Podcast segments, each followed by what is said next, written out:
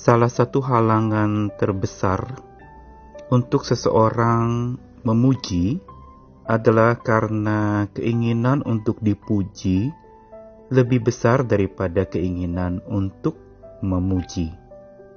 Begitu pula, rintangan terbesar untuk seseorang membesarkan Tuhan adalah karena keinginan untuk membesarkan diri sendiri lebih besar daripada keinginan untuk membesarkan nama Tuhan.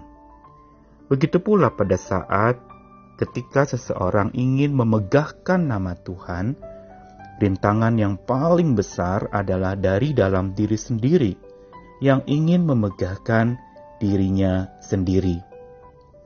Dengan kata lain, rintangan untuk memuji Tuhan sesungguhnya adalah berasal dari diri kita sendiri. Ketika keakuan kita mendominasi, ketika keinginan untuk dipuji begitu menguasai. Tetapi bila kita mau memegahkan Tuhan, satu syarat mutlak yang perlu ada adalah tidak bermegah diri. Saya Nikolas Kurniawan menemani di dalam sabdanya menyapa kita lagi hari ini dari Mazmur 147 ayat yang ke-12 sampai yang ke-14.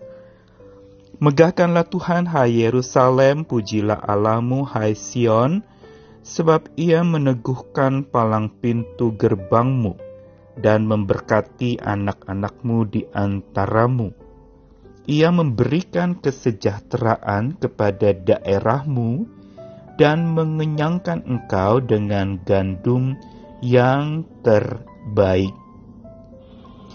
Penggalan di dalam ayat 12 sampai 14 dari Mazmur 147 ini sesungguhnya ingin memberitahukan kepada kita tentang satu bagian dari kuasa pujian bagi Tuhan yang tentu saja pujian itu bukan sekedar lagi sebuah nyanyian, bukan sekedar senandung merdu dari irama yang dinyanyikan dengan lalu sebuah kemegahan paduan suara yang besar.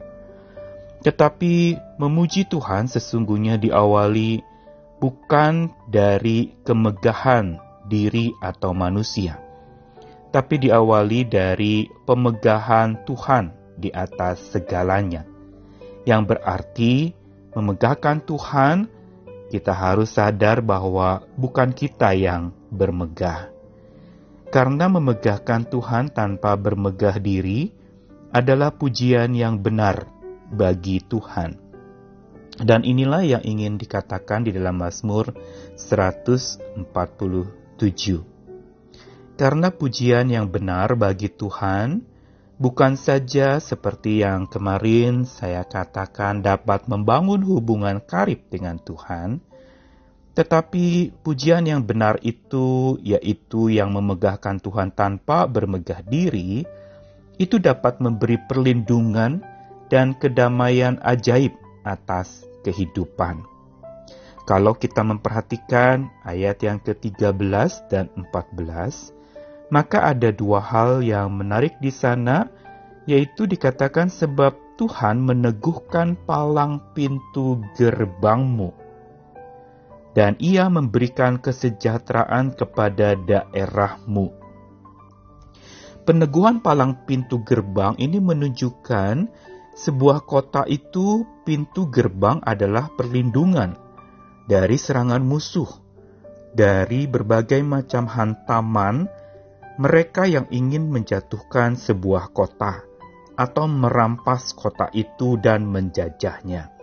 Sehingga palang pintu gerbang yang dikuatkan atau diteguhkan oleh Tuhan itu menandakan sebuah perlindungan yang Tuhan berikan bagi mereka yang selalu hidupnya memegahkan Tuhan tanpa memegahkan dirinya sendiri.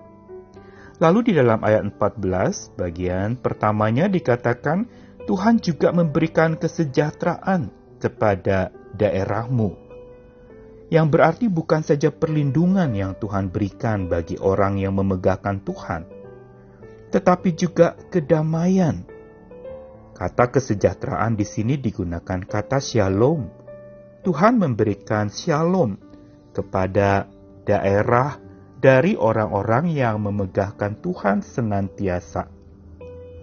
Dan inilah kedamaian ajaib yang Tuhan akan limpahkan kepada mereka yang tidak pernah memegahkan diri tetapi selalu memegahkan Tuhan di dalam sepanjang hidupnya.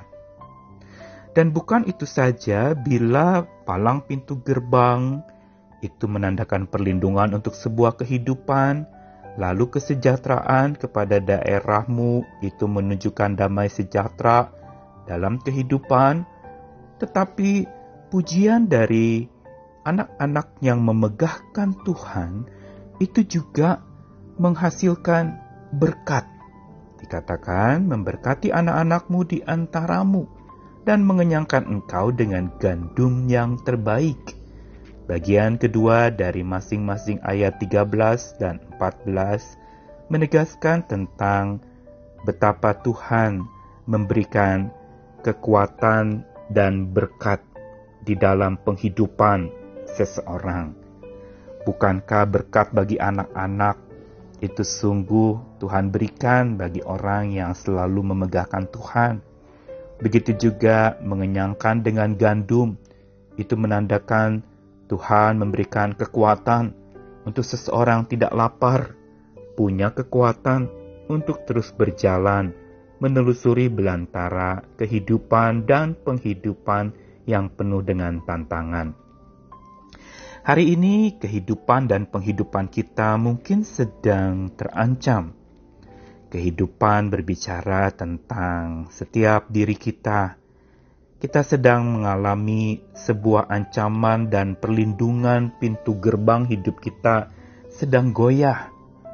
Begitu juga kita sedang mengalami ketidakdamaian. Ada ketakutan merajalela. Ada kekhawatiran menguasai. Tetapi belajarlah tetap bermegah di dalam Tuhan sambil memegahkan Tuhan tanpa bermegah diri.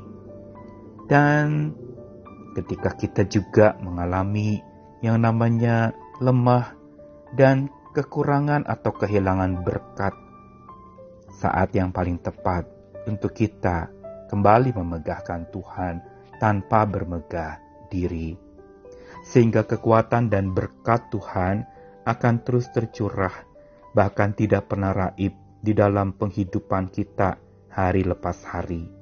Janji Tuhan pasti, kalau burung di udara dipeliharanya, apalagi manusia ciptaannya, yaitu manusia yang selalu memegahkan Tuhan di sepanjang hidupnya dan tidak memegahkan diri sendiri.